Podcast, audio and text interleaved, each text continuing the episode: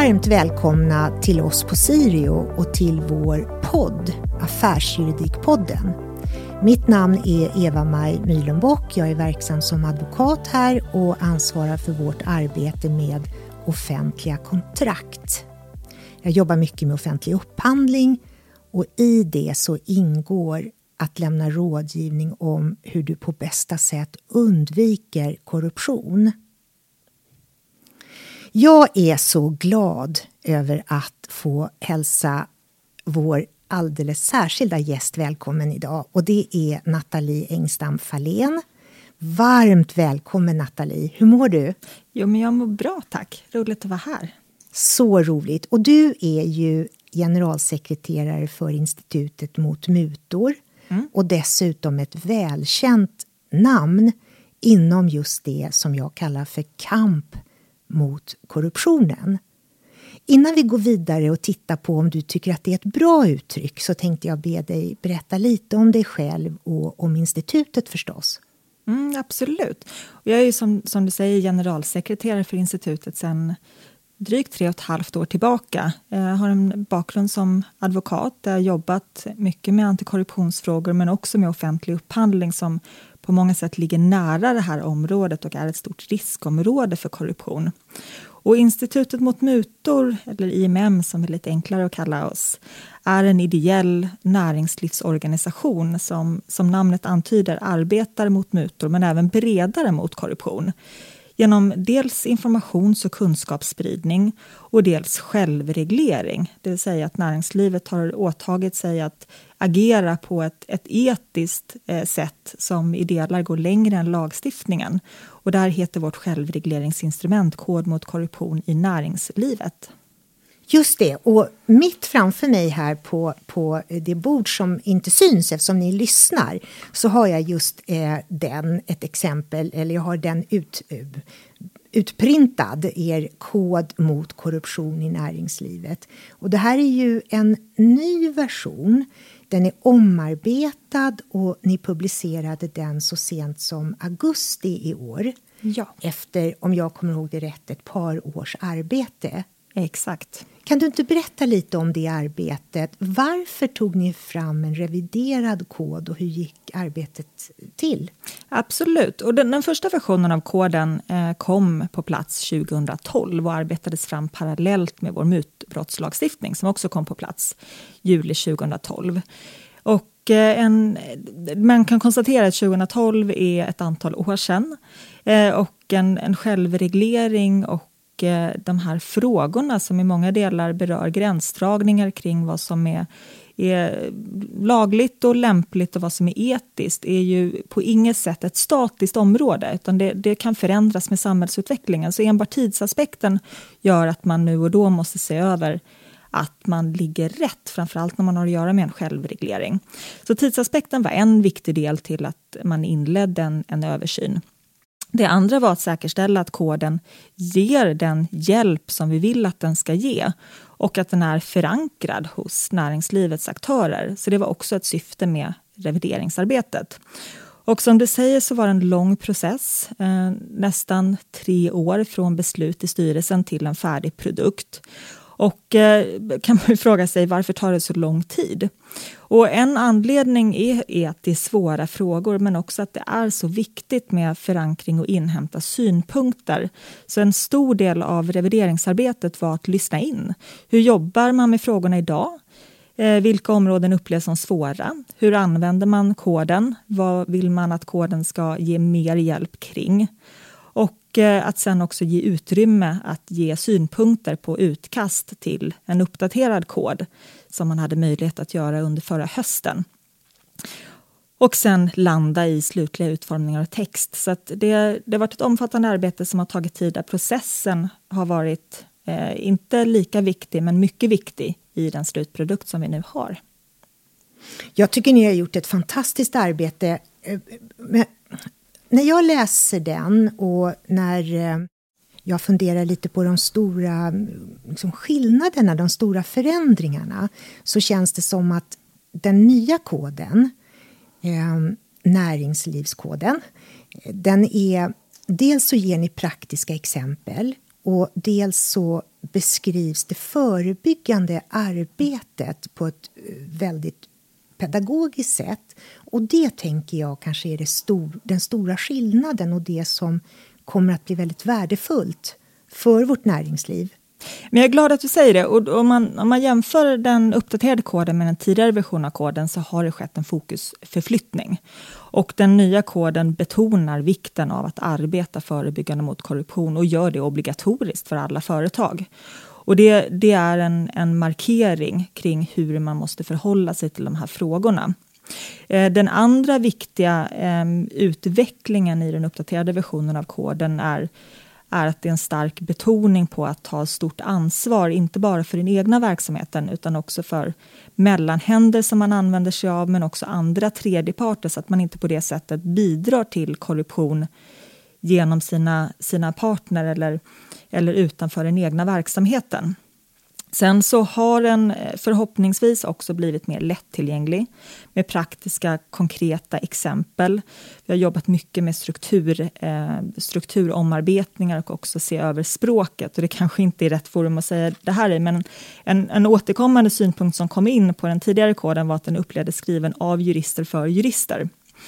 Och eh, det är absolut jurister som behöver ha koll på de här frågorna, men, men man måste göra det begripligt och hands-on och applicerbart, för det här är en, en, fråga som berör alla i organisationer. Mm, jag tror verkligen att det är rätt eh, angreppssätt. Du, jag har funderat lite på det, det här med riktlinjer och policies. Det pågår ju säkert just nu företag som, som arbetar med sina policies, med sina... Och man stångar sig lite sådär ibland... Eh, alltså hur, finns, det, finns det något bra sätt som du har, något tips? Hur kommer jag igång? Det kanske är tre år sedan man tog fram det, man kanske är lite fundersam. Hur ofta används den här praktiskt och hur, hur kan jag tänka? jag tror att det viktigaste är att komma igång och börja prata kring de här frågorna i organisationen och göra någon form av riskinventering och, och diskutera och ta reda på hur, hur ser kunskapsnivån ut idag? Vilka frågeställningar dyker upp inom området för korruption och hantering av förmåner, representation, har vi potentiella jävs och intressekonflikter? Och sätta igång diskussioner och dialoger inom organisationen för att fånga upp var finns frågeställningarna och var finns problemen. Och sen utifrån det titta på, har vi, har vi dokument och policies som svarar på de frågor som finns? Och en, en rätt vanlig eh, problematik som jag ser med policies och riktlinjer i många organisationer är att de är alldeles för generella och totalt intetsägande. Och eh, här behöver man ofta jobba mer på att göra dem praktiska och konkreta och verkligen anpassa det till den verklighet som personer i organisationen möter. För ett, ett policydokument som säger att man är emot korruption hjälper ingen. Så att först ta reda på var finns frågeställningarna och sen skapa eh, dokument och information som hjälper personer kring hur man ska hantera de här frågeställningarna i praktiken. Mm, klokt sagt. Jag tänker ibland på att ansvaret för eh, att hantera de här frågorna ute i vårt näringsliv ligger ju faktiskt på styrelsens bord. Och ibland undrar jag om man har riktigt den kontrollen som man borde ha. Man kanske har delegerat, man litar på att det sköts och man känner sig trygg i att X eller Y ansvarar. Och just det här som du sa, diskussionen, riskanalysen tror jag kan vara ett konkret råd att, till de som lyssnar att börja där. Mm. Se till att få alla med. Exakt, och jag brukar säga att har man inte sin riskanalys klar för sig, då blir ju resterande arbetet att arbeta i blindo, för du vet inte vad du ska rikta in åtgärder kring. Och också som du säger, så det börjar ju från, man pratar ju om tonen från toppen som en fundamental komponent för ett välfungerande antikorruptionsarbete. Och det är helt enkelt för att det är därifrån man sätter sätter standarden och riktningen. Och det startar på styrelsenivå och ännu längre ner på den, på den verkställande nivån och sen att man också måste tänka på hur får vi med chefer i alla led. Men eh, koden gör det också eh, tydligt att det här är en styrelsefråga. Styrelsen ska löpande hålla sig informerad om antikorruptionsarbetet och det är där ansvaret ytterst ligger.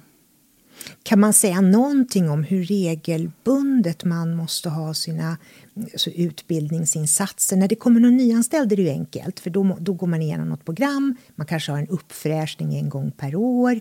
Men alltså, finns det något tips man kan ta med sig att, att fundera så här? För det första skulle jag säga att man, man tänker kring utbildning. Eh, och, och, jag skulle snarare säga att det handlar både om utbildning och löpande kommunikation. Så, så kan den behöva se rätt olika ut beroende på olika grupper inom en organisation. Och det igen går det tillbaka och se vilka är mest riskutsatta ur ett korruptionsperspektiv och, och vad, vilka åtgärder behöver man sätta in beroende på det. Så att igen en, en inventering. Vad, vad kan man råka ut för? Och det avgör ju mängden träning till exempel. Men jag, jag, tror att, att utbildningar är ett inslag, men ännu viktigare är den konstanta påminnelsen och konstanta hjälpen, att man har en löpande diskussion. Eh, man kan jobba med månadens dilemma som ett sätt att uppmärksamma frågor. Man kan bygga in Eh, funderingar kring om det har uppstått etiska frågeställningar i medarbetarsamtal.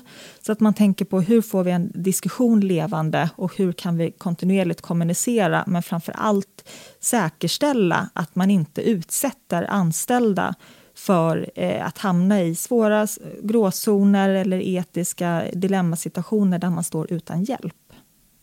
Ja, det är ju utmärkt tycker jag, det här månadens dilemma. Det är ju väldigt konkret Ibland tänker jag så här, Nathalie, att, att eh, eh, det är lätt att tänka att vi är förskonade från eh, särskilt mutor i Sverige. Och tittar vi på Transparency Internationals listor så tillhör vi ju tack och lov ett land som, som då eh, är hyfsat skonat från det.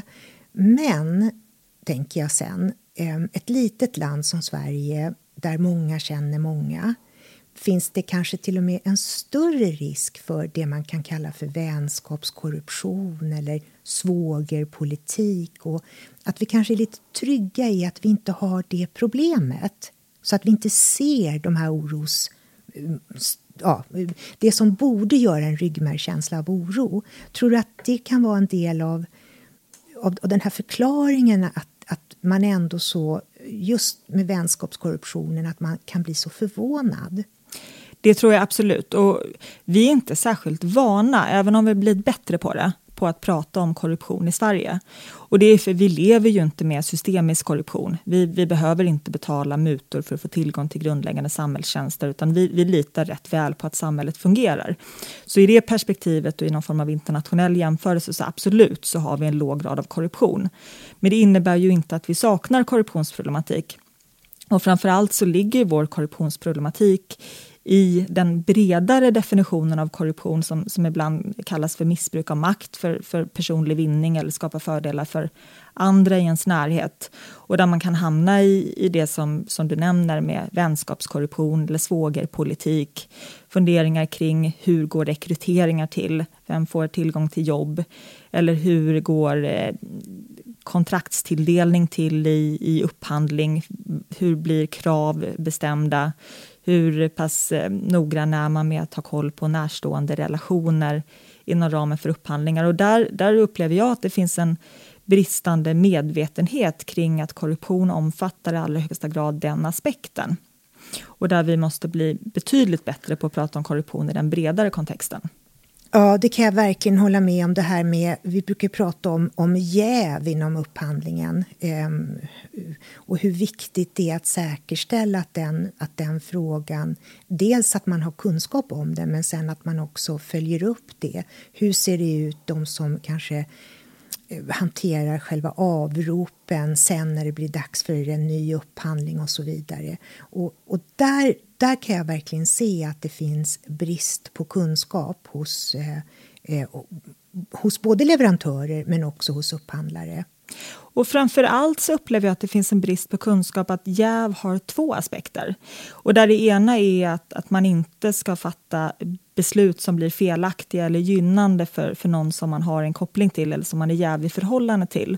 Men också att jäv har ju en, en förtroendeaspekt kopplat till sig så att det ska inte ens utåt sett uppstå misstankar om att man eh, kan gynna någon eller beblanda sig i ett ärende där man har personliga intressen som krockar med ens professionella intressen. Och det, det kan man se ibland när det kommer upp eh, skandaler eller skriverier, att personer säger det att men, men beslutet är ju helt korrekt. Och då har man missat den här utifrån aspekten.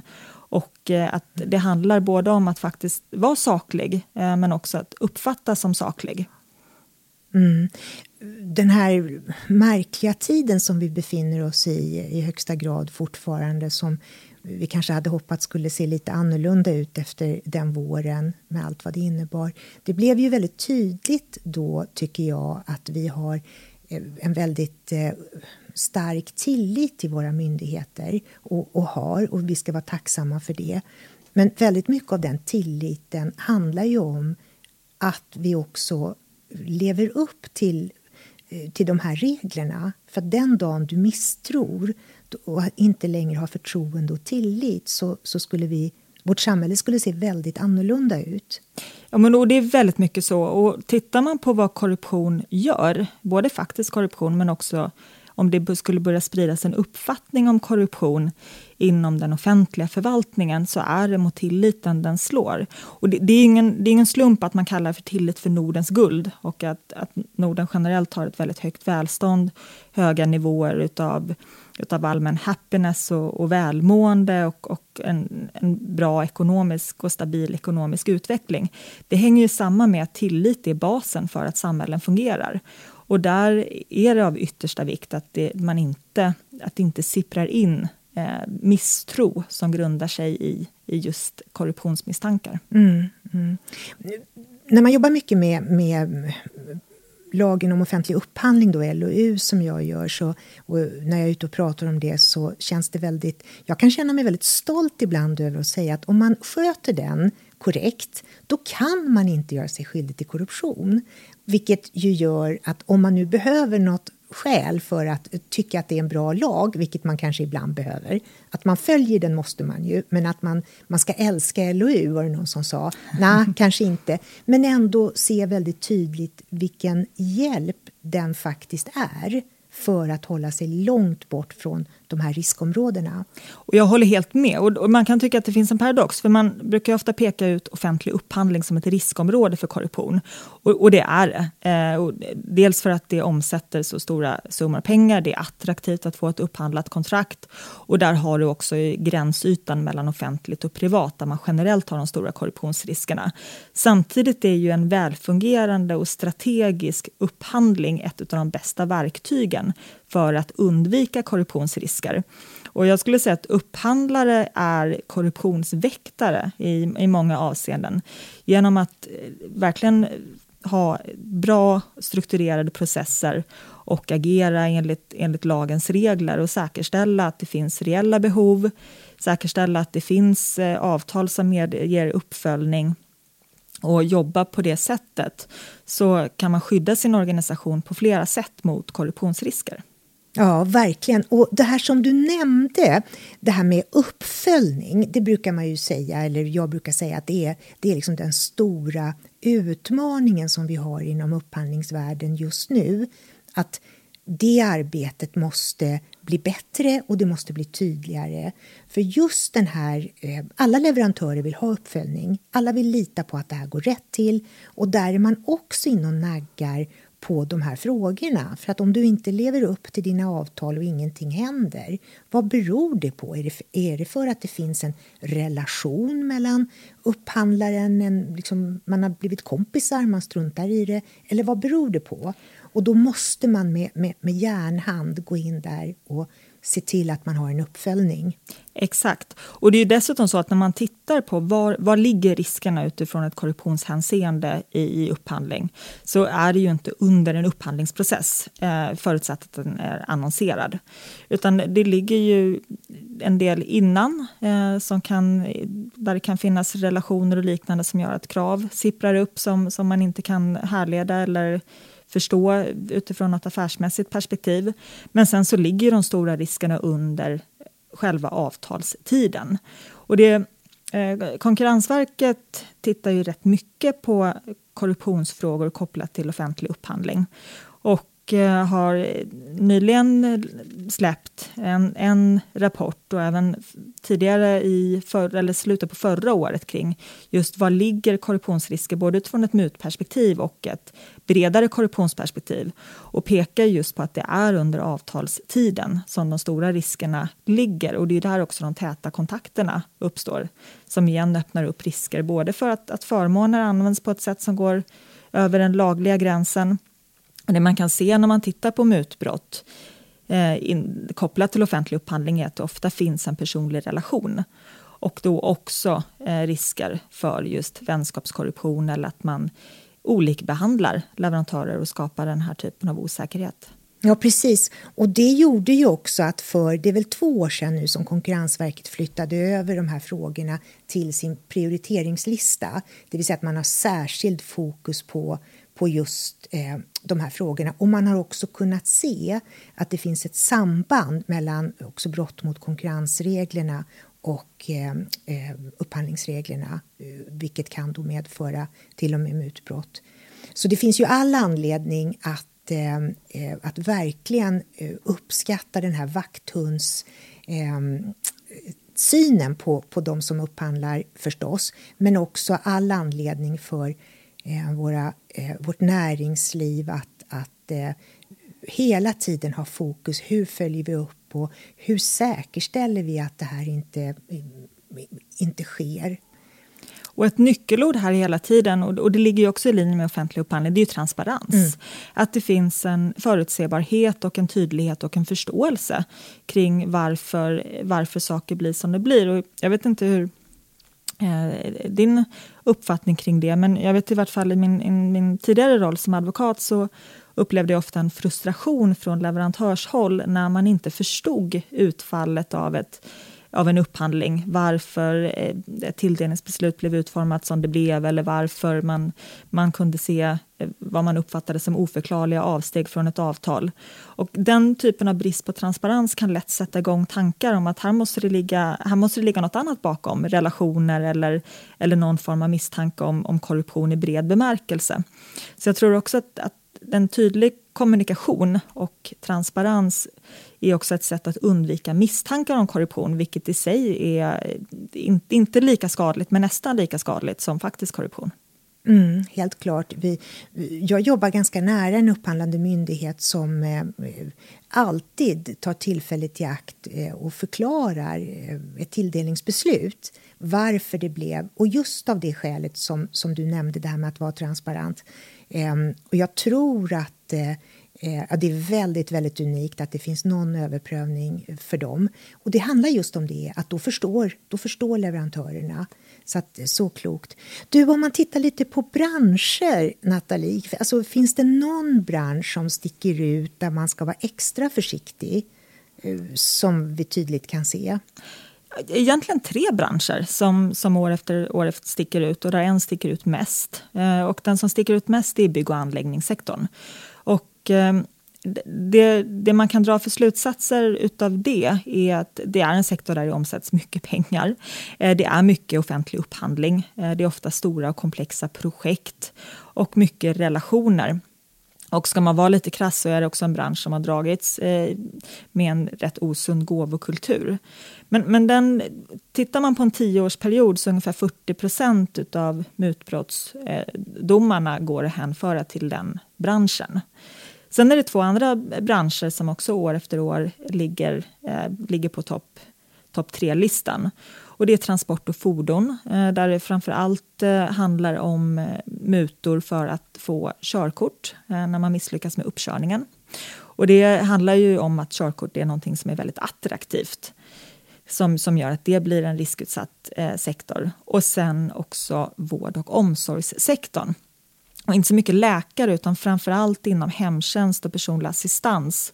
Och en, en, stor förklaring till det är att där finns det väldigt mycket nära och täta relationer där det blir lätt att sammanblanda den professionella och den privata rollen vilket öppnar upp för gråzoner och, eh, och korruptionsrisker. Mm. Mm. Och, och, just det här med byggbranschen då som ju har, har Problembarn är kanske fel ord att, att säga, men just när man tittar på hur, hur stor alltså frekvens det är av eh, både mutbrotten och också korruption så finns det ju all anledning att tänka att, att det är verkligen en bransch där man måste kanske kraftsamla ändå mer just för att säkerställa eh, kunskapen. Du har säkert tagit del av det också, men igår så avkunnade ju hovrätten eh, över Skåne och Blekinge en dom eh, som just rörde byggbranschen där eh, det var en, någon, en gåva av en badtunna. Ehm, och då kan man ju faktiskt bli förvånad att man jag tror att huvudförhandlingen första var i tingsrätten då, om vi backar ett och ett halvt år eller två år. Men hur kan man 2018 inte veta att det är en gåva som överhuvudtaget inte får förekomma? Om vi nu utgår att, att, ifrån att det var korrekt, att den personen förstod inte mm. att det var eh, otillåtet och till och med brottsligt. Och det kan jag tycka att om det är så så finns det ju all anledning att kraftsamla så att man tar bort alla de ja, okun, okunskapen egentligen. Och jag håller helt med. Och är det någonting positivt ändå med, med, med byggsektorn, med att de alltid är det svarta fåret, så är det att det görs mycket initiativ för att kraftsamla. Det finns en överenskommelse mot korruption inom bygg och fastighetssektorn mellan Sveriges kommuner och regioner på beställarsidan och de stora företagen och de stora branschorganisationerna. Sen handlar det ju om att, att nå ut med budskapet i, i alla delar och alla förgreningar. Sen kan man ju säga att, att, att man inte förstod i en vanlig invändning eh, när, man, när man hamnar i en domstolsprocess eh, rörande mutbrott. Och jag tror att eh, jag tror inte att eh, den här badtunnan är det första man tar emot utan det finns ju ofta en eskaleringsprocess där man säkert långsamt normaliserar saker som, som förklarar den här bilden som man annars kan tycka det är helt uppenbart att man inte borde förstå det här. Mm. Och någonstans så ligger väl ofta en, en kultur eh, där man har tittat åt, åt andra hållet och inte haft den här levande dialogen som, som vi pratade om tidigare är så viktig. Ja, jag tror att det är Eh, vi börjar närma oss slutet på vårt samtal, Nathalie, men jag, jag tror att, att, om man ska knyta ihop säcken lite grann, det här med eh, det som du så klokt började med att säga med dialogen. Eh, med dialogen så bygger du ju kulturen och det måste vara så att det finns en kultur där det kommer det kommer ifrån ledningen och det här uttrycket walk the talk som man ibland undrar vad betyder det egentligen? Men om vi tittar på det här i den här aspekten så betyder det att all, allting måste vara fullständigt kristallklart i hur man förhåller sig i de här frågorna. För att känna trygghet som anställd. Absolut, men där kan man också konstatera att det finns en, en diskrepans. I vart fall när man tittar på, på vilka som typiskt sett är involverade i mutbrott så är det ofta på chefsnivå.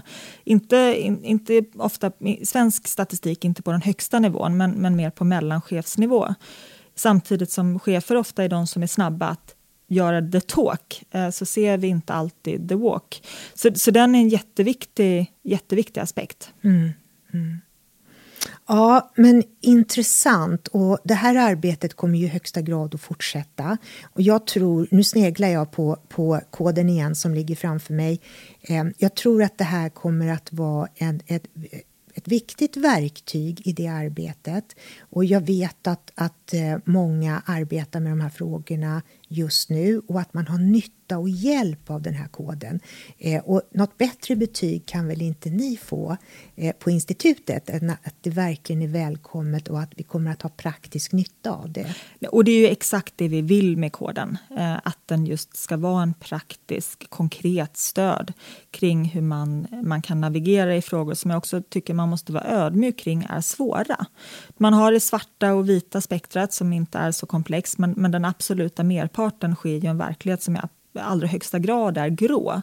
Och, och som dessutom kompliceras av relationer och att vi, vi är människor som vill, vill agera mänskligt i många situationer och där en policy, hur välskriven den än är och hur mycket man än lyssnade på mig med att ha praktiska och konkreta exempel så är det fortfarande ord på ett vitt papper. Och sen så handlar det om att man ställs inför situationer i verkligheten som kanske inte alls alltid passar in exakt i vad som står där. Och då handlar det ju om att bygga upp både en kultur där, där man har någon form av grundläggande instinkt kring vad som är rätt men också där, där det är möjligt att ställa frågor, fånga upp och få stöttning och hjälp att man har den här öppna dialogen. Mm, ja, men det är utmärkt. Och då kan man återigen snegla lite på det här som, som du sa, månadens dilemma. Till exempel. Mm. Ja, men vad bra. Eh, återigen, tack snälla Nathalie att du tog dig tid att komma hit och medverka i vår podd. Eh, och tack för arbetet ni har gjort med koden. Diskussionerna kommer att fortsätta. Det tycker jag låter strålande och tack för att jag fick komma. Och till er som lyssnar då så eh, vill vi ju gärna att ni ska prenumerera på vår podd. Eh, vi vill hemskt gärna ta in synpunkter eller vi vill gärna få synpunkter vad ni tycker. Och det går bra att mejla till mig. Eh, min eh, mejladress och kontaktuppgifter hittar ni på hemsidan och prenumeration eh, kan man också göra via hemsidan. Stort tack!